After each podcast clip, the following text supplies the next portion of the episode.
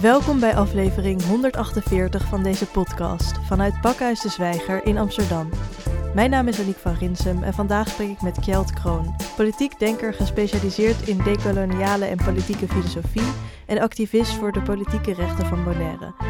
Beste Kjeld, welkom. Hey, dankjewel. Je studeerde filosofie Mhm. vanuit een globale invalshoek. Je richtte je toen vooral op decoloniale en politieke filosofie. Ja, dat klopt. Ehm, wat voor inzichten kan het geven om vanuit een decoloniale of politiek-filosofische bril naar de wereld van vandaag te kijken? Ehm, nou, één ding dat heel erg bij mij is blijven zitten is vooral de, hmm, de connectie tussen eh, moderniteit en zeg maar wat wij zien als vooruitgang.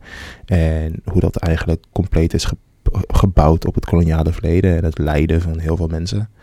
Zelfs als je nu nog kijkt naar, om even heel globaal te noemen, eh, in Amerika. eh, zodat iedereen in Amerika gemakkelijk en goedkoop een iPhone kan hebben, moeten mensen ergens in Azië of in Afrika daar heel erg voor lijden. En dat is iets dat niet alleen nu is, maar je kan, dat, je kan het proces trekken vanaf de industriële revolutie en daarvoor al dat er constant door het uitbijten en door het lijden van mensen in de niet-westerse wereld, daardoor Europa en Amerika en zo vooruit zijn gegaan.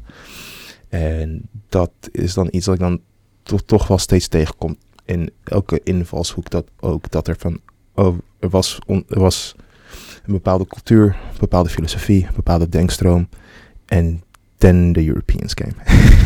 en dat is een beetje dat perspectief dat ik van elke invalshoek wel terug zie komen.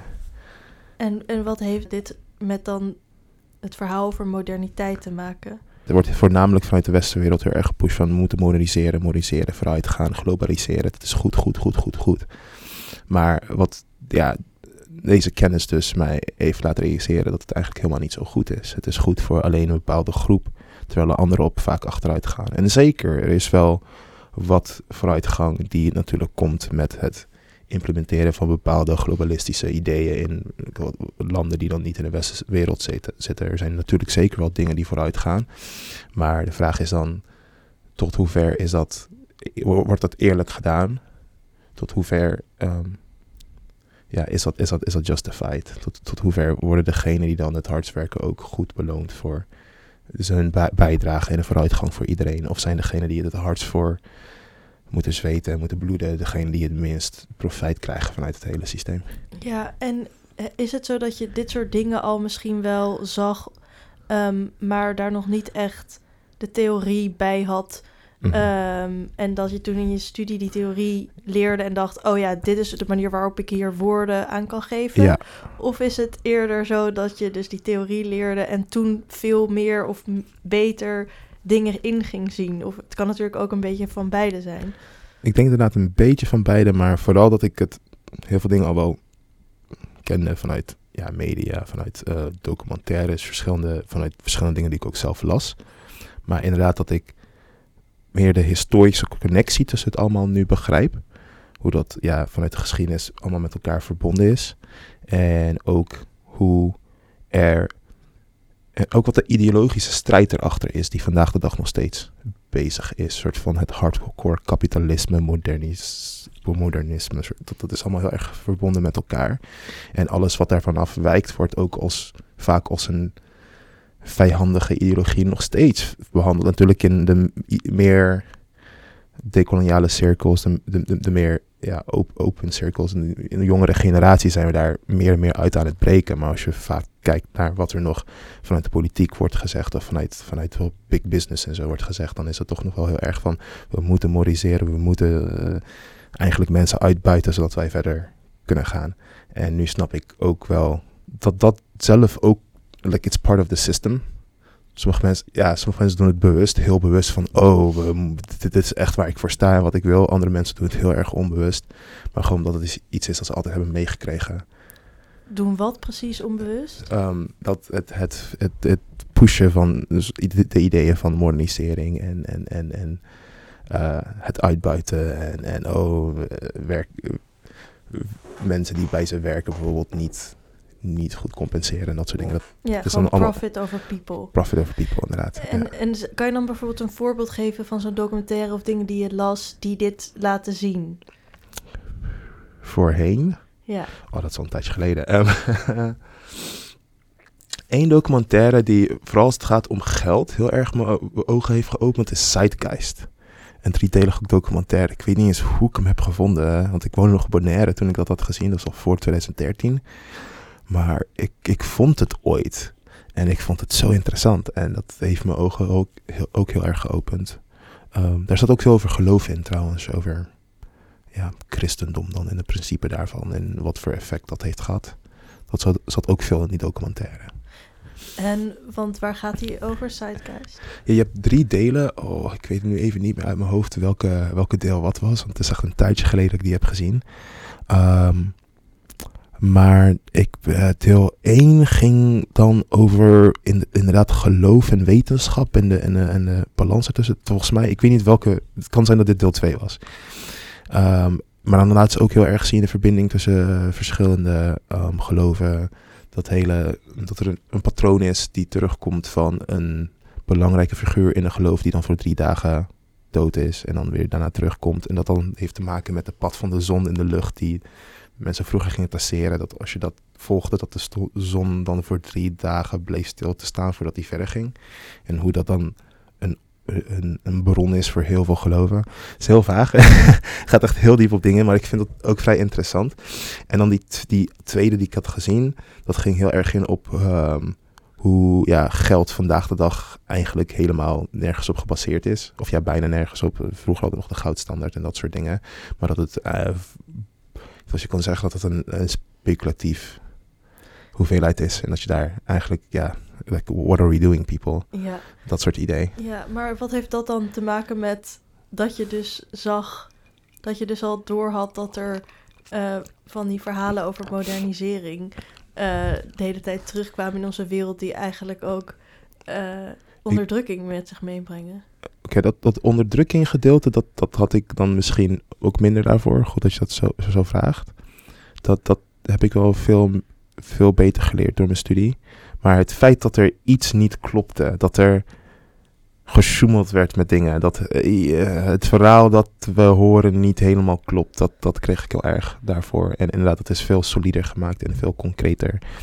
ehm, door ook mee academisch, door academisch mee bezig zijn. Maar dus misschien meer dat je al wel eerder het inzicht had van de, de wereld waarin we leven is geconstrueerd. Ja, dat. Ja. Oké. En dan hoe die geconstrueerd is, dat heb ik dan, eh, ja, ben ik later achtergekomen. Of tenminste, Daar ben je nog steeds, eh, Daar ben ik nog over steeds mee bezig, ja. aan het Ja, ja. nadenken.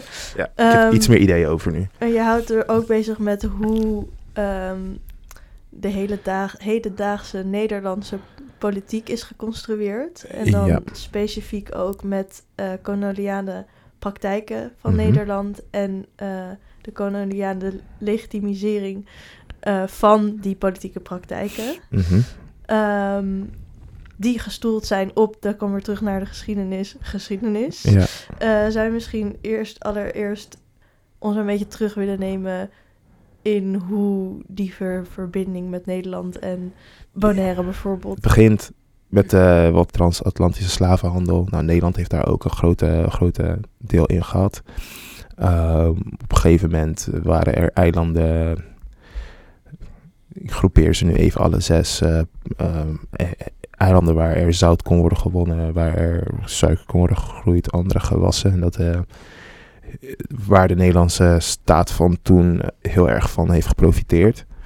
Ehm, ja, die eilanden na de, na de verloop van, van, van de hele koloniale, koloniale tijd zijn die eilanden eh, uiteindelijk in Nederlands bezit beland. Want af, het is, ze zijn wel rondge, rondgepaast tussen Spanje, Portugal, Engeland. Dus de eilanden zijn niet altijd ehm, sinds die tijd in Nederlands bezit geweest, maar uiteindelijk wel. En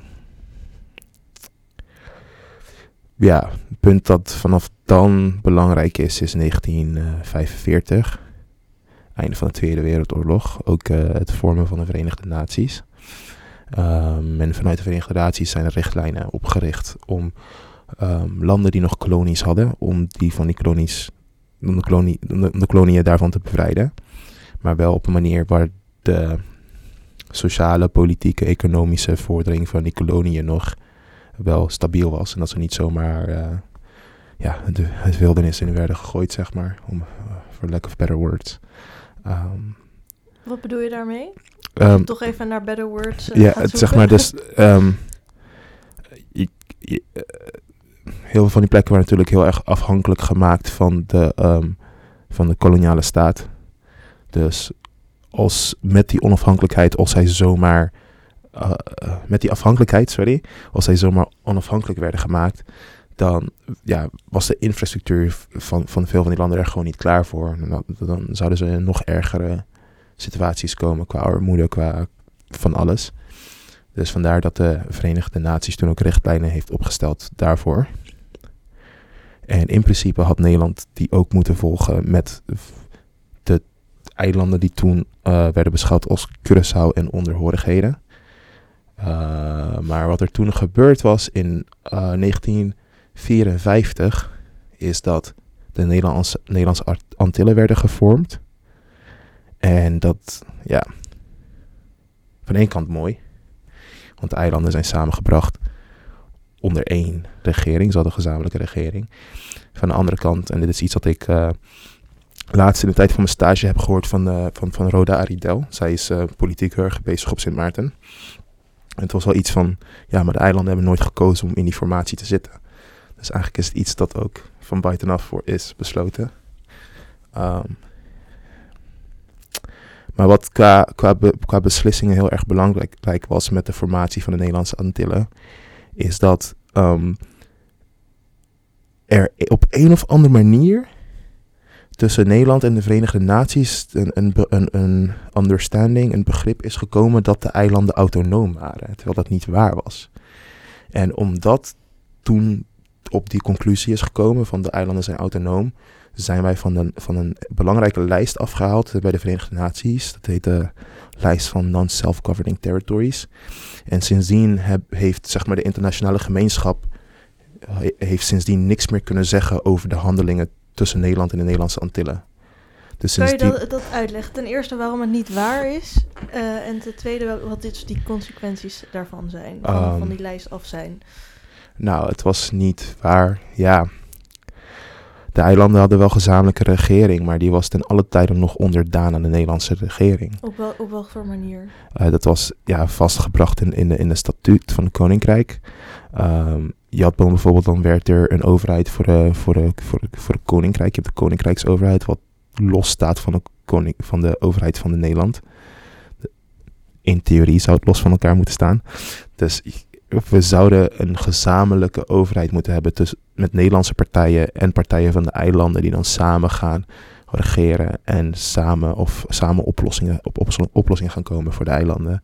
Maar wat in, het- in principe is geworden is dat de, de overheid van het koninkrijk hetzelfde is als de Nederlandse, eh, de Nederlandse overheid. Dus de Tweede Kamer, et cetera, of de regering die daaruit wordt gevormd, is de regering voor het koninkrijk. Daar zitten geen partijen van de eilanden in. En die regering bepaalt wat er voor de eilanden gebeurt. En ja, als je dan gaat vragen van zijn, de, zijn de eilanden dan autonoom? Zijn de eilanden zelfregerend? Duidelijk niet. dus dat is een beetje waarom dat dus niet waar was. Mhm. En Eh. waarom was dan op, op dat moment toch het idee... Heerst het idee dat ze dan wel zelfregerend waren? Wat gebeurde er daaraan vooraf waardoor dat idee wel een soort van legitimering had?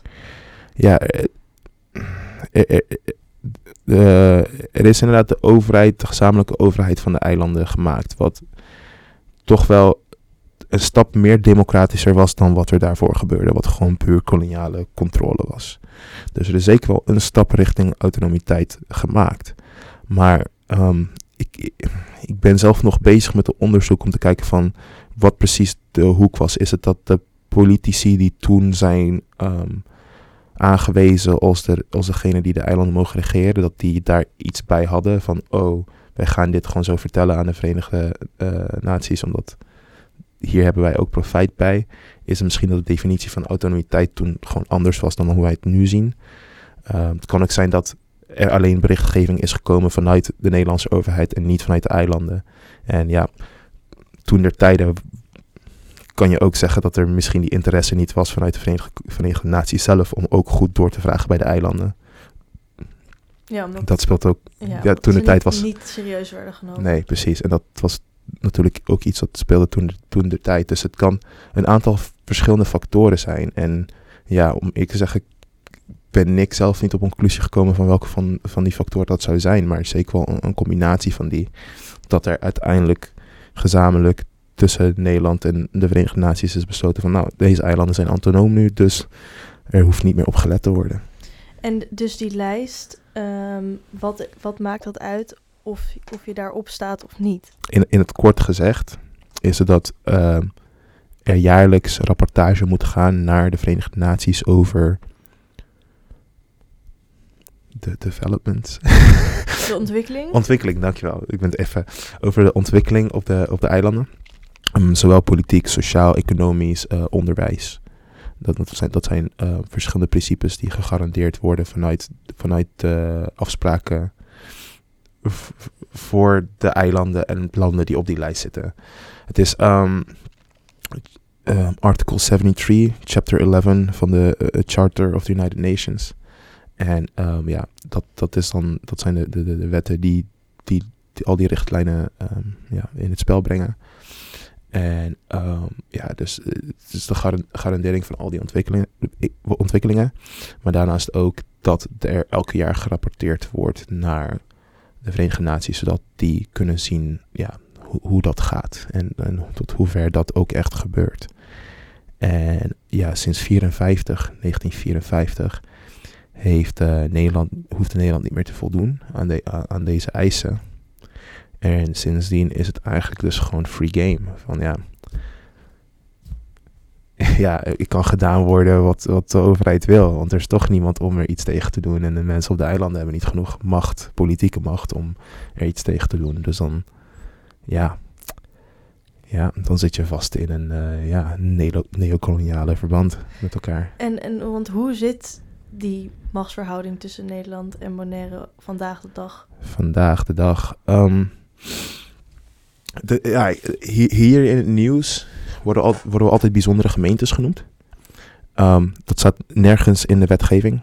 Oké, Nee. We zijn ehm, publieke eenheden in de wet. En wat houdt dat in? ja, ja een, een park is ook een publieke eenheid. Oké, Ja, ja dus een wat bos. betekent dat? Oh, eh, de, de Drunense duinen zijn ook publieke eenheden. Het is het eigendom van de Nederlandse staat. Ja, dat is, dat is waar het op neerkomt. Eigendom van de Nederlandse staat. En dat is, ehm, ja, voor zichzelf al problematisch. Eh, dat, dat, ja, ja, dat, dat, dat, dat klopt gewoon niet vandaag de dag om, om zoiets, om, om het zo te verwoorden. En daarnaast betekent dat ook dat wij, nou, we zouden in principe eenheden, eenheden moeten zijn die gelijk staan aan gemeentes, maar we hebben niet de rechten die gemeentes hebben. Ja, jullie zijn bijzondere gemeentes, maar vaak als je bijzonder bent, dan krijg je iets extra's. Maar Ja, dit is een het- ander soort bijzonder. Ja, dit is meer van we kunnen doen en laten wat we willen hier bijzonder. En wat zijn bijvoorbeeld dan rechten die, niet, die jullie niet hebben? Ehm, en hoe uitzicht dat bijvoorbeeld? Ja, ehm één, één voorbeeld. eh, Ja, meest, meest, ik denk wat waar de meeste mensen ook naar vragen is de sociale vangnet die je hier hebt. Als wij nu inderdaad Nederlanders zijn, dan hebben wij ook recht op de sociale vangnet die je hier hebt. En ehm, een van de beloftes die werden gemaakt toen wij hadden gestemd om in deze politieke situatie te komen. En ik doe even aanhalingtekens om, ge, om gestemd, want dat is ook een verhaal van zichzelf. Ehm, een van de beloftes die toen werden gemaakt is dat wij. Wanneer, er- was dit? Wanneer was dit? Ehm, in 2004 was de, gingen mensen stemmen om in dit verband te komen. In 2008 werd uitgelegd wat die verband was. En in 2010 werd het geïmplementeerd. Oké, en dat is dus ook waarom je dus niet, waarom die aanhalingstekens net waren van je wist eigenlijk niet van tevoren, zeg maar, je moest het contract ondertekenen voordat je het had gelezen. Ja, dat, dat, dat was het ehm, in principe.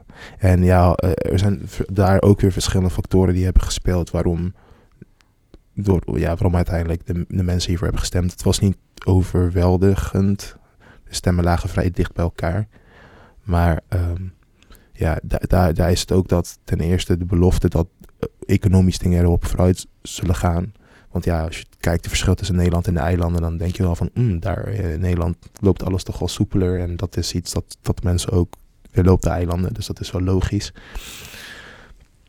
Corruptie van de, van de politici op de eilanden speelt ook een rol. Die hadden, zijn daar leden van die zelf profijt hadden met de deals die zijn gesloten. Die zelf onder de tafel zakken aan geld hebben gekregen, et cetera. Nou, eigenlijk moet ik dan zeggen ook corruptie van de Nederlandse overheid. Want wie gaven die zakken aan geld? Nederlandse overheid. Dus um, dat, die, die, die, dat speelt dan ook een rol. Um, en daarnaast um, echt angst. En dit, ik, oh, ik heb die quote nu even niet bij me, maar mensen hadden ook een angst dat als ze zouden zeggen: nee, wij willen niet, we willen niet in deze deals gaan met Nederland, dat ze financieel daarvoor gestraft zouden worden.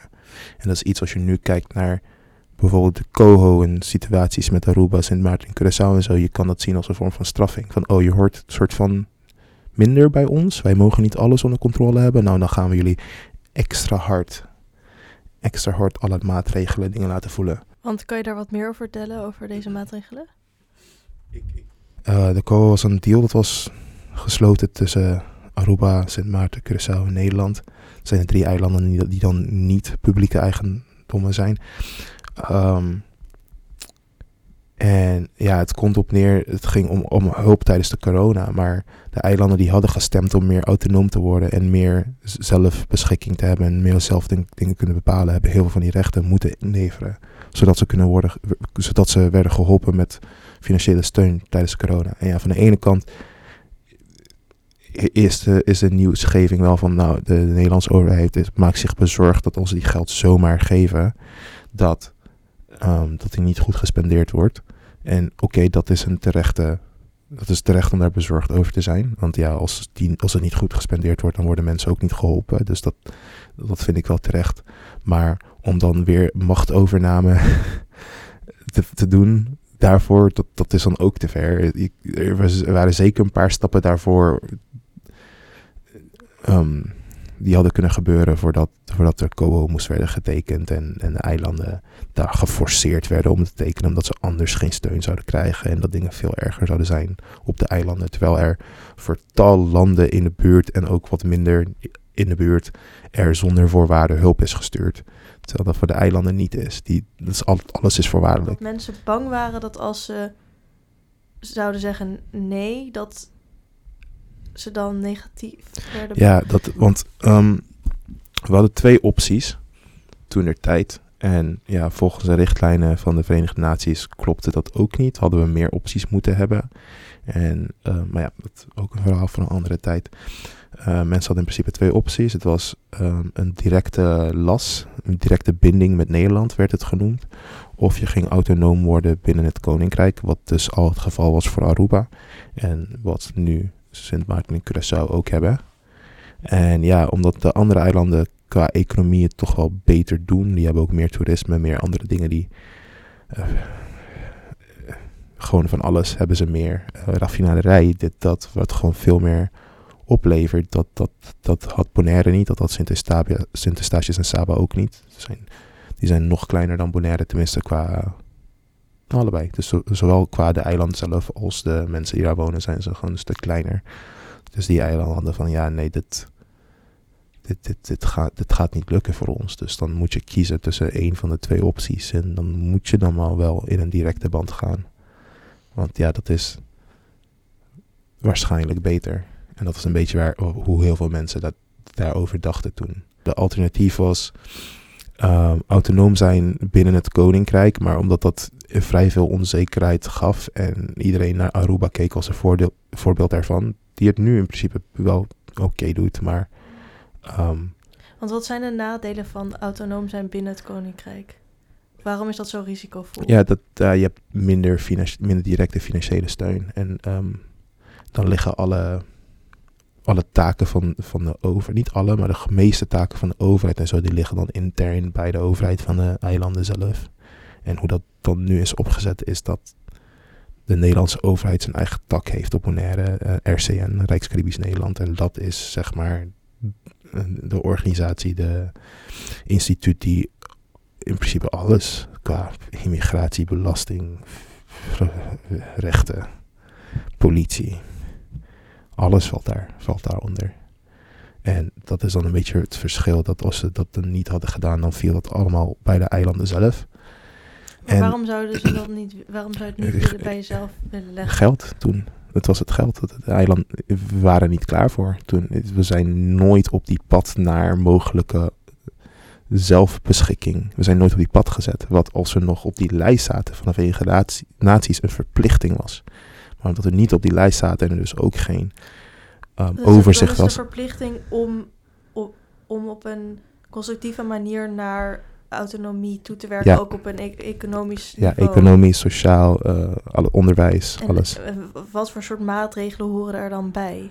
Um, ja, dat, dat, dat hangt er natuurlijk een beetje af van wat elke, elke plek kan. Um, ik, ik, ik heb altijd Angela als een goede voorbeeld gehoord daarover. Daarvan, nou, niet dat Angela, ja, Angela heeft waarschijnlijk ook wel zijn problemen. Maar um, ja, al, de meeste overheidsorganen worden door lokale zelf bestuurd.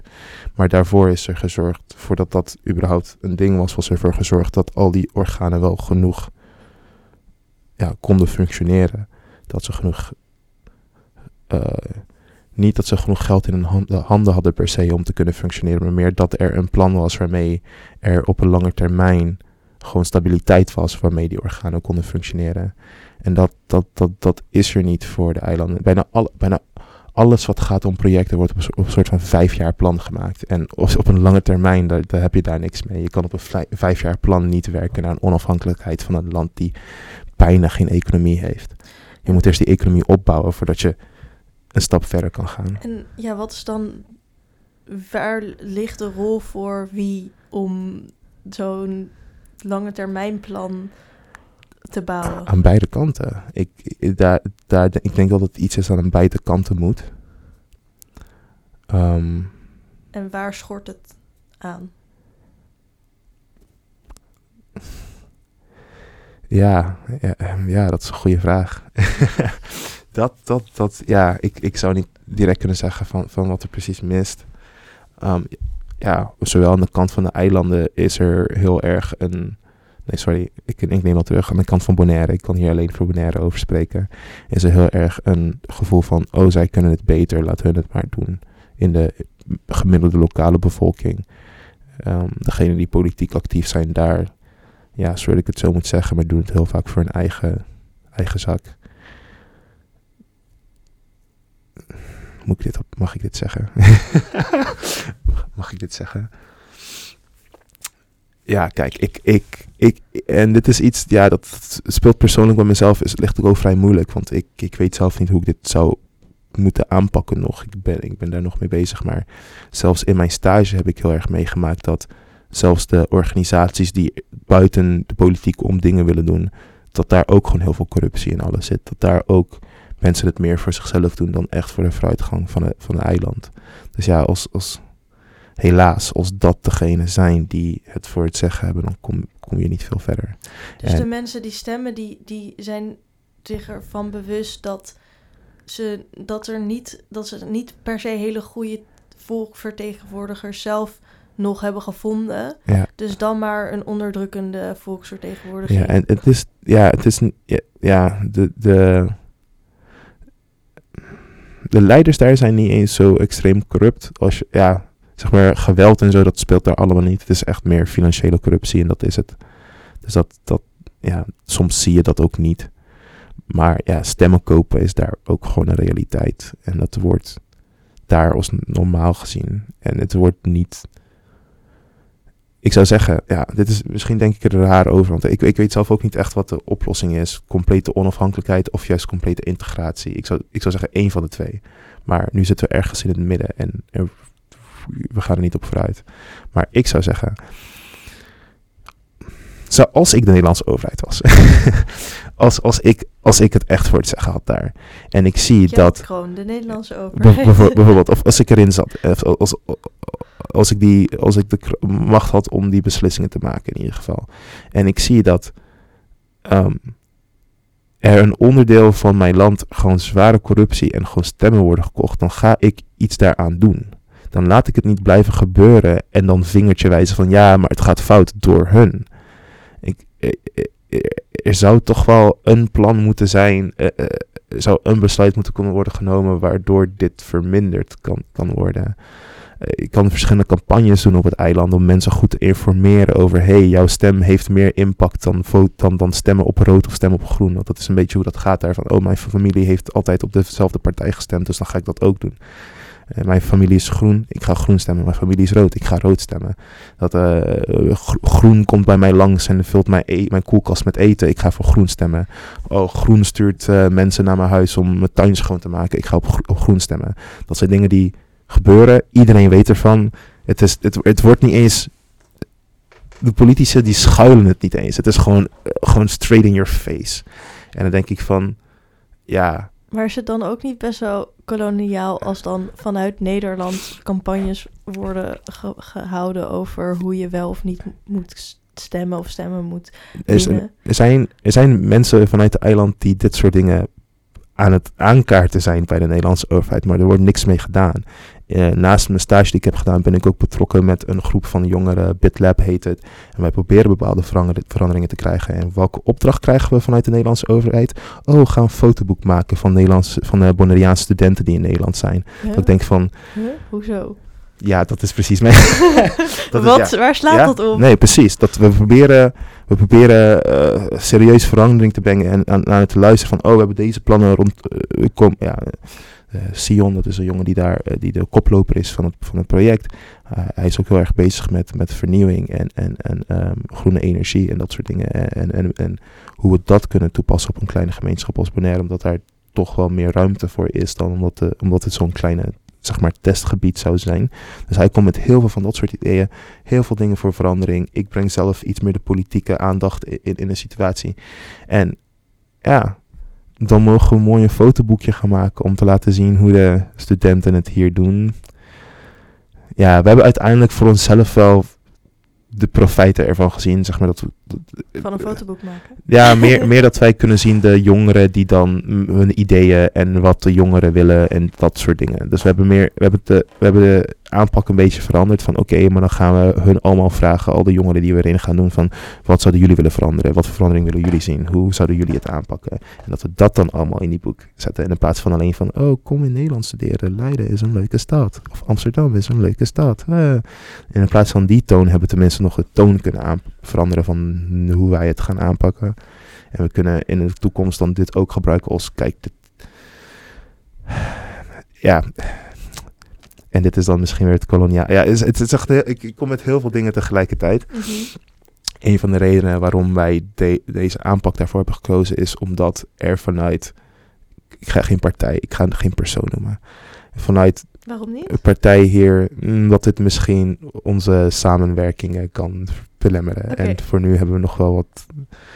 Maar iemand vanuit de partij zei van, oh, jongeren uit Bonaire komen met, met, met ideeën, oh, die kunnen dingen doen. Oh, ik dacht die altijd alleen maar voor de straat kiezen. En het straatleven, dat soort dingen. En om nu denken van, nee, nee, we kunnen laten zien dat we echt een paar genies hebben op Bonaire. Eén van hun die toevallig over een maand of twee bij de Large Hadron Collider gaat werken.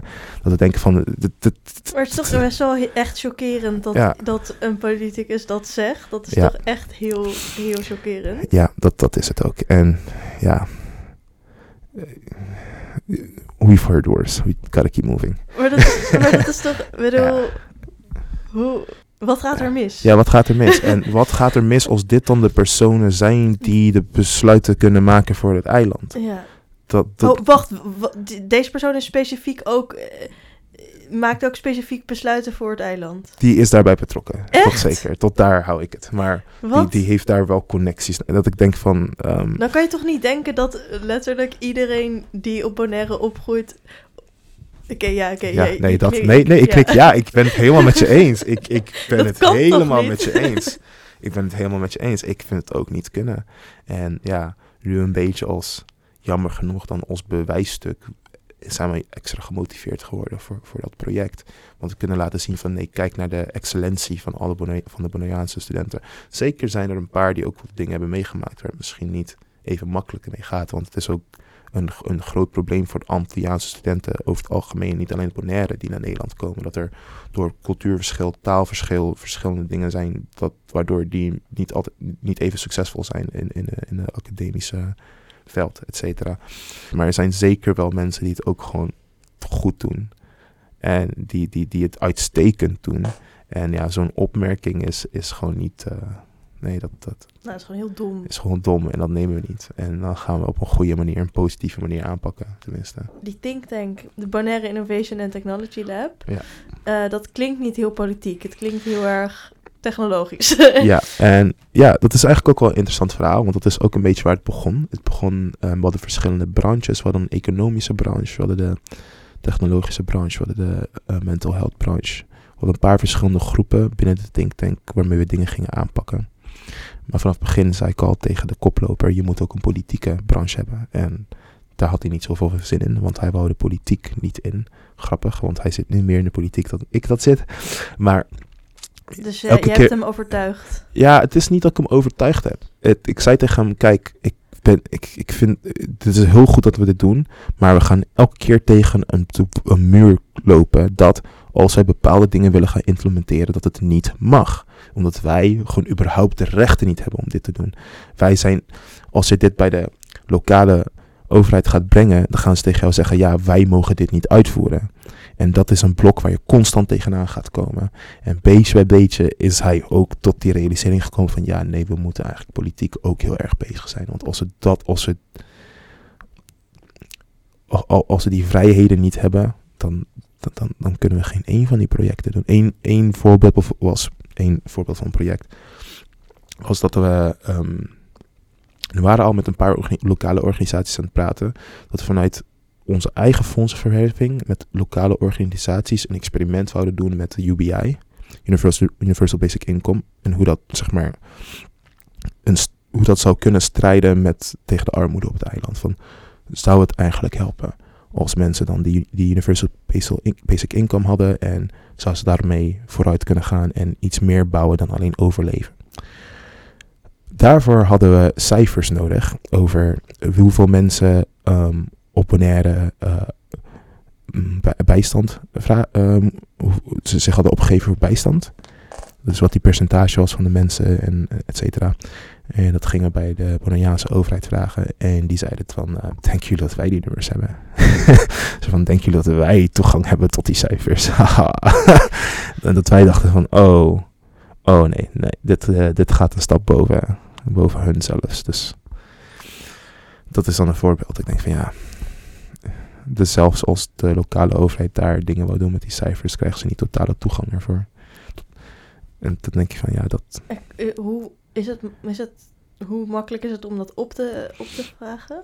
Je zou zeggen dat kan je bij de, eh, bij de CBS vinden. Ja. Nee.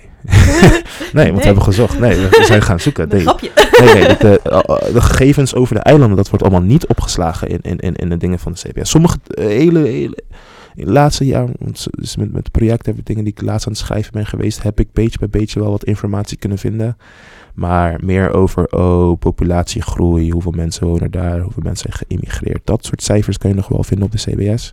Maar de meer economische dingen niet. Waarom niet? Weet ik niet. Alle, alles wat ik wil zeggen is een, uh, is een gok. Dus ja, dat kan ik niet zeggen. Speculeren. Ja, speculeren. Ja. Um, maar goed, jullie hebben dus met BitLab, gingen jullie naar de Nederlandse overheid voor iets en toen zeiden ze maken maar een fotoboek. Ja. Dus wat, wat, wat vertel eens het verhaal daarvoor. Um, ik, kan, ik kan er niet, ik, ik weet niet tot hoeveel, hoeveel ik erover mag zeggen. Okay. um, Nee, maar we kwamen met een paar verschillende ideeën. Sommige ja, meer richting groen, green tech. Sommige meer richting oh, sommige financiële, uh, economische plannen misschien. Dat, tenminste, waar er naar gekeken kan worden van oh, tot hoever kunnen we dit implementeren, dat soort dingen. Maar ja, daar. Uh, het is had eigenlijk... ze niet echt heel veel zin in. Ja, Daar had ze niet dus- zoveel zin in. Van, dus- oh, ga, maar, ga maar een fotoboekje maken. Ja, het is echt een beetje Ja. van, wij willen serieus, eh, serieuze dingen bespreken. Ga maar lekker knutselen, zeg maar. Zo komt Ja. het echt een beetje over. ja, ja, Ga maar dat- tekenen. Ja, ja. ik, eh, ik ben er zelf niet extreem blij mee. Maar ja, uiteindelijk zijn de mensen van de eiland er wel enthousiast over. Dus er zijn andere energieën die zijn gekomen rondom dit project, waardoor wij denken van oké, dit, dit gaan we gewoon doen. Het is, eh, het is wel leuk. Of zo. maar, maar dat is niet echt de bedoeling voor, voor, voor long-term change. Ja, een long-term change laat het zien dat we veel jongeren hebben die achter ons staan. Dat is wat de, waar het op een lange termijn toch wel aan gaat doen. Van oké, we hebben hier een, een hele catalogus aan jongeren die... Ja, en wat jullie dus hebben gedaan is dat jullie wel juist die politieke ideeën eh, ook daarin verwerken. Dus eigenlijk gewoon dezelfde vergelijkbare voorstellen die jullie misschien eh, officieel ha- hadden gedaan, Mhm. gewoon voor iedereen te lezen. Ja, Dan kun, zeg maar, als het wijd genoeg verspreid is, dan kunnen mensen er op een gegeven moment ook niet omheen. Dat er Nee. gewoon goede jonge denkers zijn die, die ideeën hebben over hoe de toekomst beter kan. mhm, mhm. ja dat, dat, dat is... Dus dat, het heeft zeker wel zijn waarde. Het is wel een beetje een nare antwoord of een nare opdracht. Tenminste vanuit de, beetje de perspectief waar, waaruit ze die opdracht hebben gegeven is niet chill. Maar we kunnen er wat mee. Dus we proberen het wel om te draaien naar iets positiefs. Ja, jullie hebben Inderdaad. letterlijk van lemons lemonade Ja, gemaakt. Ja, dat. ja, ja, ja. Ehm, maar wat doen jullie nog meer zoal met BitLab? Eh, voor, nu, voor nu is, is dat het wel. Maar jullie, ik eh, heb ook gehoord, eh, voordat deze opname begon, van jou dat jullie ook ehm, kritisch eh, mensen bevragen. Ja, ja, we hebben tenminste nu zijn er wat minder mensen daarvan op het eiland. Nu zijn de meeste van ons hier. Maar toen der tijd, toen onze koploper nog ook op Bonaire was, en ik was er zelf ook een tijdje in die periode, ehm, zijn we toch wel onszelf gaan betrekken met de verschillende ont- ontwikkelingsplannen die er staan voor Bonaire. En zijn we daar eh, ja, gewoon kritisch mee aan de gang gegaan. Van, ehm, ja, ontwikkeling voor wie? Dat, is, dat was de vraag die we stelden. Van ja, oké, dit, dit, dit, dit is een ontwikkelingsplan. Je gaat dit en dit en dat bouwen, een hotel bouwen en dit. Maar wie profiteert daarvan? Is het wel voor de lokale bedoeld? Of is het bedoeld voor de niet-lokale? Ik had, ik had het even, even kort, maar de niet-lokale. eh, De, de, de toeristen of degene die het eiland aan het rekoloniseren zijn. Voor, voor wie worden deze dingen gemaakt? En kan je daarover uitleggen, bijvoorbeeld op welke manier dat soort ontwikkelingen dan mensen die het eiland rekoloniseren eh, in de hand werkt? Ja, het eh, begint bij dat. Als ik bij, begin, ja, bij het begin kan beginnen. Grond is iets dat heel belangrijk is. En ik denk dat dat misschien ook wel een van de redenen is waarom de overheid hier zoveel interesse heeft in de eilanden. Van oh, heel veel on, onaangetaste grond. En grond wordt meer en meer verkocht aan mensen vanuit Nederland. Huizen wordt verkocht aan mensen die met heel veel vermogen komen uit Nederland. Niet de gemiddelde Nederlander, nee mensen die, volgens mij was de eigenaar van AZ, de man die een tiende van ons eiland heeft gekocht. Wow. Ja. Dat is echt een Ja. enorm percentage. Ja, precies. Ja, dat is de eigenaar van AZ. Het was, hij was de eigenaar van een van de voetbalteams in ieder geval. Ik weet even niet uit mijn hoofd welke team het was. Maar hij heeft de hele plantage Bolivia gekocht en gaat daar huizen bouwen, betaalbare huizen voor de, voor, voor, dat zegt hij, dat zegt de plan, betaalbare huizen. Oh, eh, Maar de meeste huizen hebben een zwembad. En dan is mijn vraag, welke huis met een zwembad is betaalbaar? Voor wie? Voor wie? Ja, kijk, dat, we komen altijd weer op die voor wie. Oké, nou, eh, waar was ik mijn verhaal? Dus ja, heel veel mensen met extreem veel vermogen mogen zonder, want het valt dan allemaal qua, qua, qua business, qua recht, financieel recht en zo, wat allemaal binnen Nederland is, dan mag het allemaal gewoon. Gaan daar alles opkopen, ook de restaurants. Ook zaakjes die vroeger gewoon lokale zaakjes waren waar je lokaal eten kon kopen. Allemaal opgekocht, allemaal dure steak, Italiaanse dit, Ja, dat, dit, dat en restaurants we- geworden. Nu zien we waarom het een bijzondere gemeente is. Ja, ja, precies. Voor Want- investeerders uit voor investe- Nederland. ja, voor investeer, ja, voor de investeerders uit Nederland is het echt fantastisch daar inderdaad. Maar de lokale gaan er steeds op achteruit. Dus we hebben niet eens meer lokale plekjes waar we niet, tenminste in de, in de hoofdstad, eh, bijna, bijna geen van de lokale plekjes die we vroeger hadden, waar we lokale muziek konden luisteren, lokaal van onze cultuur konden genieten, lokaal konden eten, et cetera. Dat is allemaal weg aan het gaan, wordt allemaal omgetoverd naar een soort van die ja, Ibiza-tentjes voor... Ik, ik, kan, ik kan geen betere woord voor bedenken, Ja, maar ik weet je wat ik bedoel. bedoelt, ja. Dus ja. En daarnaast ja, zou ik zeggen van, oh, maar ja, investering en veel bedrijven, veel nieuwe zaken, dat, dat helpt met vooruitgang op de eiland. Maar er is nu ook, en er was eh, in september volgens mij, vorig jaar, oktober vorig jaar, was er nog een nieuwsbericht over in de, in de Bonaireaanse kranten. ehm, dat ja, heel veel van die van, van, van voornamelijk Nederlandse eigenaren van die zaken ook liever alleen Nederlanders inhuren om daar te werken. Dus het is niet eens dat de lokalen daar altijd aan de bak kunnen. Nee, er worden eh, jonge studenten, goedkope, goedkope 18, 19-jarige, 17-jarigen worden daar naartoe gestuurd. Onder, onder het idee van kom eh tussenjaartje doen, Bonaire, kom eh, eventjes werken. En ehm, ja, wat dan niet voor, wat daar dan, waar dat dan voor zorgt is dat, dat, dat de lokalen geen kans hebben op de markt in hun eigen eiland. Ja. Wat echt nergens op slaat. En dan wordt er gezegd van ja, de, de, de, dit, dit, stond in die nieuwsbericht dat eh, een paar van die eigenaren zeiden van ja, ehm, de, de, de, de, lokale, de lokale werknemer die is luier, die wilt, die wilt vrij op de feestdagen. Vrij op feestdagen, dat, dat is normaal. Dat is gewoon, daar heb je, daar heb je recht op. Ik weet niet, ik weet niet mogen schelden. Ik, heb bijna, ik begin bijna schelden, maar daar heb je gewoon recht op. Of, oh, die willen de weekenden vrij. En dan denk je van, oh ja, dat zijn mensen met kinderen. Natuurlijk willen die de weekend vrij. ja. Er zijn gewoon, ze, ze noemden een paar dingen dat, dat ik echt dacht van, maar eh, als je, als je niet als een, als, een, als een kapitalistische werkgever denkt, maar als een gewoon mens, dan snap je dat dit realistische eisen zijn. Ja, en ook als ik dus inderdaad, wat je ook al eerder zei, een nieuwsbericht zou lezen over... In Drenthe willen mensen, eh, eisen mensen vrij op eh, feestdagen en weekenden. Dan zou ik echt niet denken van... Goh, alle Drentenaren zijn echt zo ontzettend lui. Nee, dat, nee, dat staat helemaal nergens op. van, ja, dat zijn best wel basis, zeg maar, dingen die je wil in je arbeidscontract inderdaad. Ja, dat zijn gewoon basis, basis eh, ja, rechten, gewoon em- employee rights, weet je. Het sluit nergens op. En dan nemen ze dat als de ehm, onderbouwing van, nou, dan ga ik liever de tussenjaarder uit Nederland nemen. Want die komt, die komt eh, elke dag werken. En, eh, die eh, boeit niet weekend. Feestdagen boeien die ook niet. Want ja, dat zijn niet hun feestdagen. Zijn niet de, dingen waar zij cultureel aan mee willen doen, et cetera. En die zijn goedkoper, omdat het eh 17, 18-jarigen zijn die je niet evenveel moet betalen.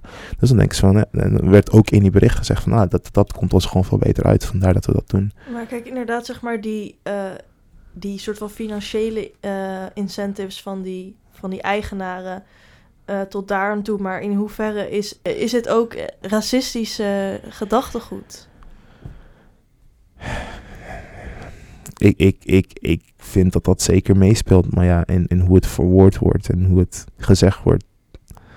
Nou ja, ik vind wel dat als, Ja. je, zegt, als je zegt, deze, deze mensen zijn, zijn allemaal lui, lui, dat is wel gewoon racistisch inderdaad. Inderdaad Maar om daarna nog om te bouwen van ja, maar ook omdat de andere goedkoper is en daar gaat mijn bedrijf verder op uit, dan probeer je dat een beetje goed te spreken met oh, maar er zijn economische, economische redenen voor, but you know, slavery also was economical choice. sorry. Nee, nee, ja, nee maar je, je Ja. vermompelde het weg. Ja, sorry. ja, sorry, ik zei slavery also was economical choice, dus ja. Ja, dat is niet een, een, een goed goede legitimering nee, van. precies. Ja. Ehm, maar hoe wordt dat gevoeld door de mensen eh, op Bonaire? Is er gevoel v- van eh, we worden racistisch behandeld? Ja, zeker wel. Ehm, ja, ja je, je, je merkt het op verschillende plekken. v- ja, sowieso dat werkgedeelte is één. Ehm, wat ook een, een, een groot verschil is met wat er voor 2010 gebeurde. Want voor, duizend- voor 2010 waren ook genoeg mensen uit Nederland en Amerika en zo die naar Bonaire gingen. Maar die kwamen met een hele andere mentaliteit. Het was een hele andere manier van omgaan. Nu sturen de meeste mensen hun kinderen alleen naar de Nederlandse school. wonen allemaal in gated communities, sluiten zichzelf uit. Weet je, als als, als lokale in die wijk komt, word je raar aangekeken terwijl je gewoon op je eigen eiland bent. En terwijl voorheen er meer een, een, een, een, een, Mengelmoes. een mengelmoes was, samenwerking. Eh, Heel veel van mijn vrienden van, van Bonaire ook zijn gemixt of hebben verschillende afkomsten. En het was voorheen...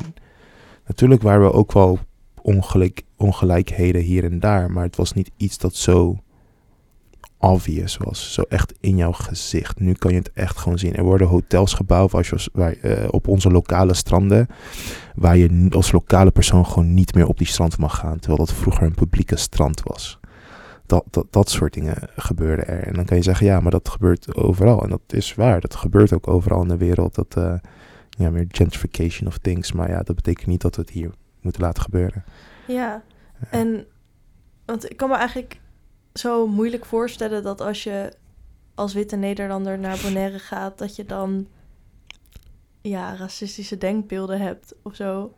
Want Ja. zeg maar, maar, zeg maar, ik kan me wel voor, ik, ik weet dat dat ge- gebeurt, maar het is gewoon, Het is echt heel disrespectvol. Je gaat en naar mijn huis en je gaat me hier nog kleineren. Dat slaat nergens op. Ja, ja. En ja. Natuurlijk zijn er ook lokalen die er wel profijt bij hebben. Die er wel op vooruit gaan door de hele situatie. En dat maakt dan ook weer een beetje...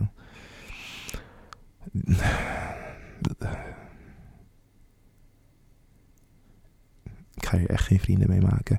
Maar dat, dat, zeg maar, er zijn- er zijn degenen die daar toch wel profijt en zo bij hebben. En dat zijn ook vaker degenen die het hard soort van spreken van, oh nee, dit is allemaal goed, dit is allemaal goed, hier gaan we op vooruit. Maar dat zijn vaak mensen die het al heel goed hadden en die dan die opportunities kunnen pakken.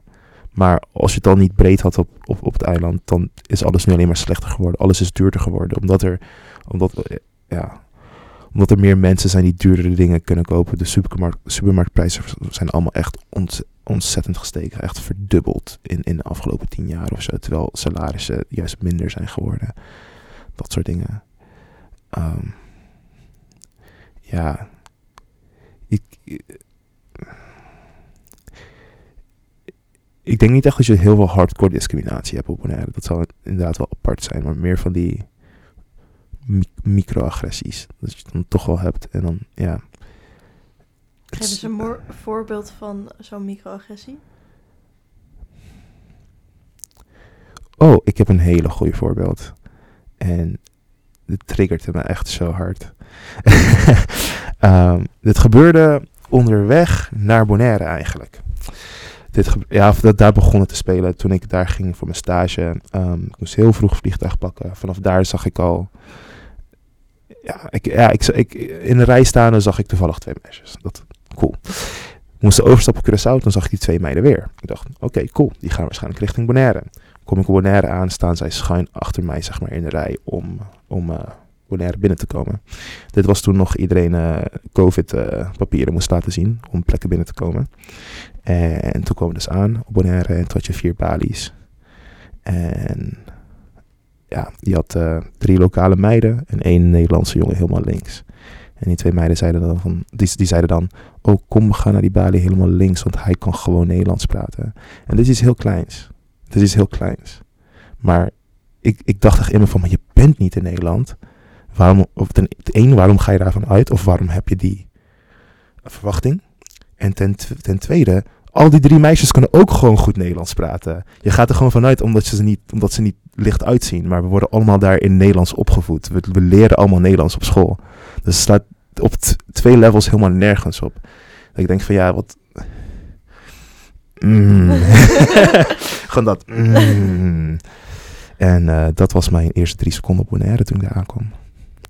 Ja, en dan Ja. is meer om maar aan te geven dat het waarschijnlijk de hele tijd aan de lopende band gebeurt. Ja, precies. En dit is gewoon één voorbeeld dat gewoon op moment één dat ik daar was, dat ik had meegemaakt. En dit is, eh, ja, maar ook ja, het, het, het, het- de, de hele sfeer is veranderd, de hele uitstraling van het eiland is veranderd. Het, is, het was iets waar je vroeger kon gaan voor, voor rust en voor ja, meer, meer intiemere momenten met lokale mensen. Gewoon, gewoon genieten van die cultuur. En het is nu gewoon de nieuwe... De nieuwe Buitenwijk van Nederland. Ja, wat was die eiland? Een van die, er was een van die, van die Frans of Spaanse eilanden waar mensen hier altijd op vakantie naartoe gaan. Om te feesten en te zuipen. Ibiza hebben we. Ja, Ibiza had ik genoemd. Was een andere Mallorca of zo? Oh, Mallorca, ja. Ja, het is gewoon een soort van de, de, de Mallorca in een Caribisch gebied geworden nu. Waar de lokale het maar... Uh, maar allemaal een beetje moet doen om de, om de toerist, om degene van buitenaf uh, te pleasen.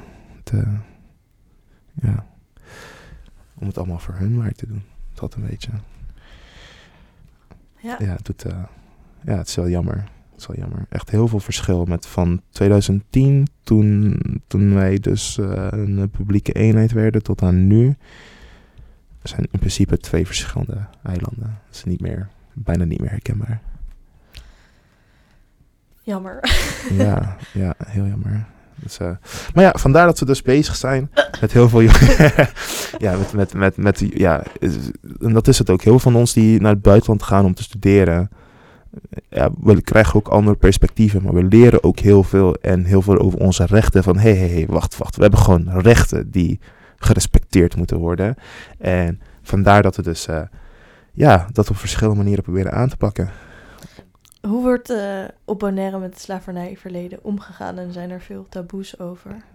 Um, het, is iets dat niet heel erg wordt besproken.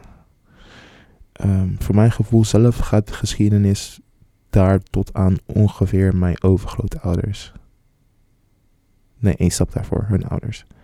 Tot aan daar. En dat is dan al, ja, komt tegen de, late 1800, 1890 misschien. Tot aan daar 1900 dat je het een beetje kan traceren. Maar tot aan daar stopt het ook. Tot aan daar. Tot aan daar is het niet makkelijk meer te traceren. Zo van, oh, wat. wat what happened? Wie. Weet je, wat, wat, wat, wat waren mijn voorouders? Of waar. Waar komen die vandaan? Of alles. Dus tenminste hoe ik het zie, is ons, begint onze cultuur een beetje uit die tijd. En heel veel van de tradities en dat soort dingen die we hebben, die reflecteren dan ook terug naar oh, wat mijn grootouders, ouders, zeg maar, deden. En hoe zij overleefden, hoe. Uh, uh, uh, ja, wat zij aten, wat, zij, wat voor kleding zij draagden, wat voor muziek zij maakten, dat soort dingen. Dus tot dan daar wordt het, wordt het um, toch wel aan gedacht en zit, er, zit het wel een beetje in de cultuur. Maar er wordt in dat allemaal eigenlijk niet echt nadruk gelegd, vind ik, op het hele slavengedeelte ervan. Maar meer op het, oh, dit is onze, ja, dit zijn onze tradities gedeelte.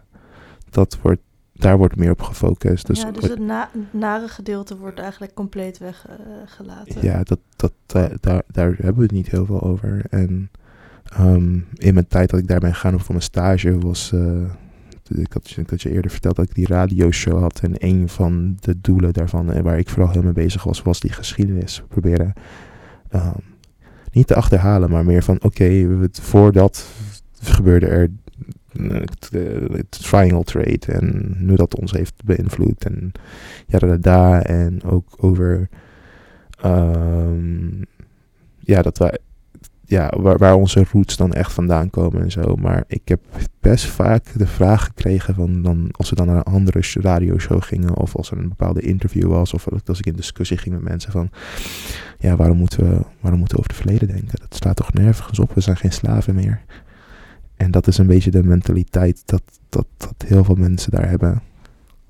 Waarom vind jij dat, uh, dat het wel moet?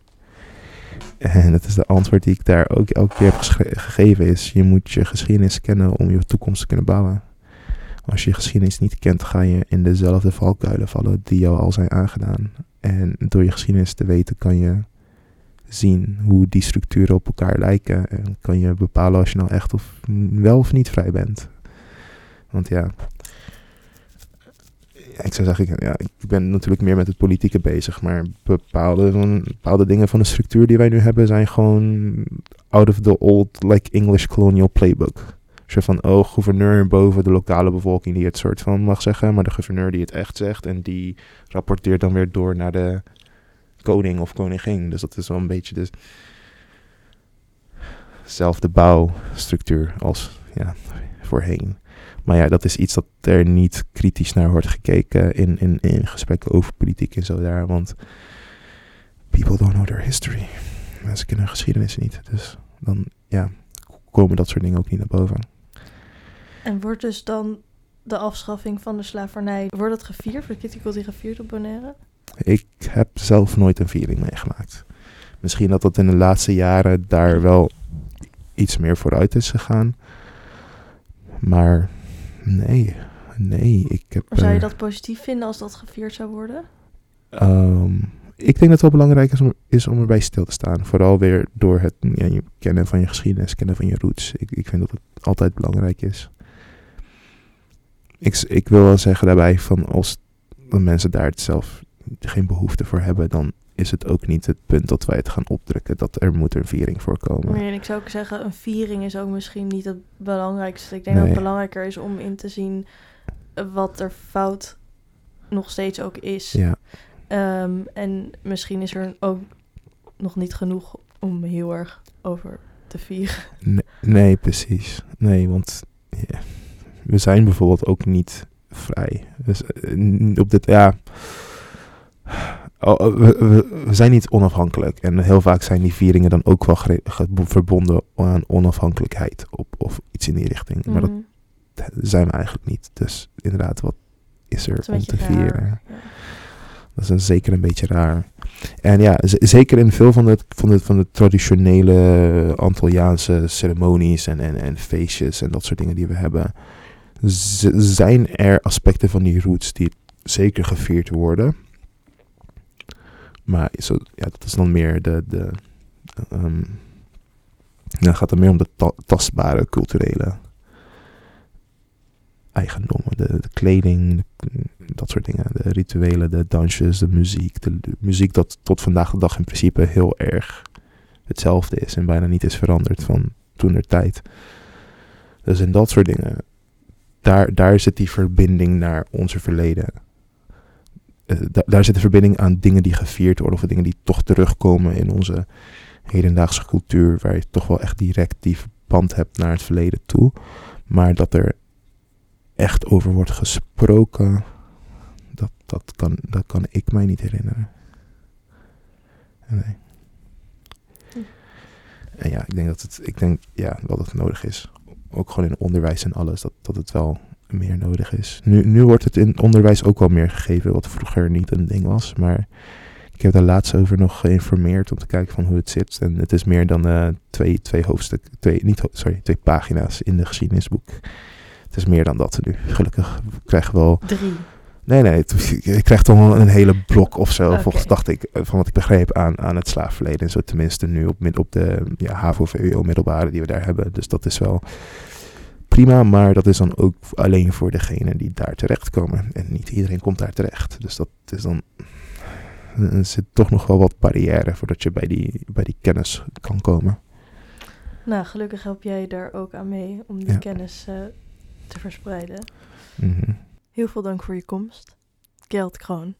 Beste luisteraars, dit was aflevering 148 van de podcastserie van Pakhuis de Zwijger. Wil je meer weten? Kom dan op donderdag 30 juli om 8 uur naar de Kitty Kotti lezing in Pakhuis de Zwijger. Een rating achterlaten of je abonneren op deze podcast kan via SoundCloud, Spotify, Apple Podcast of een ander podcastplatform. Dank voor het luisteren en tot de volgende keer.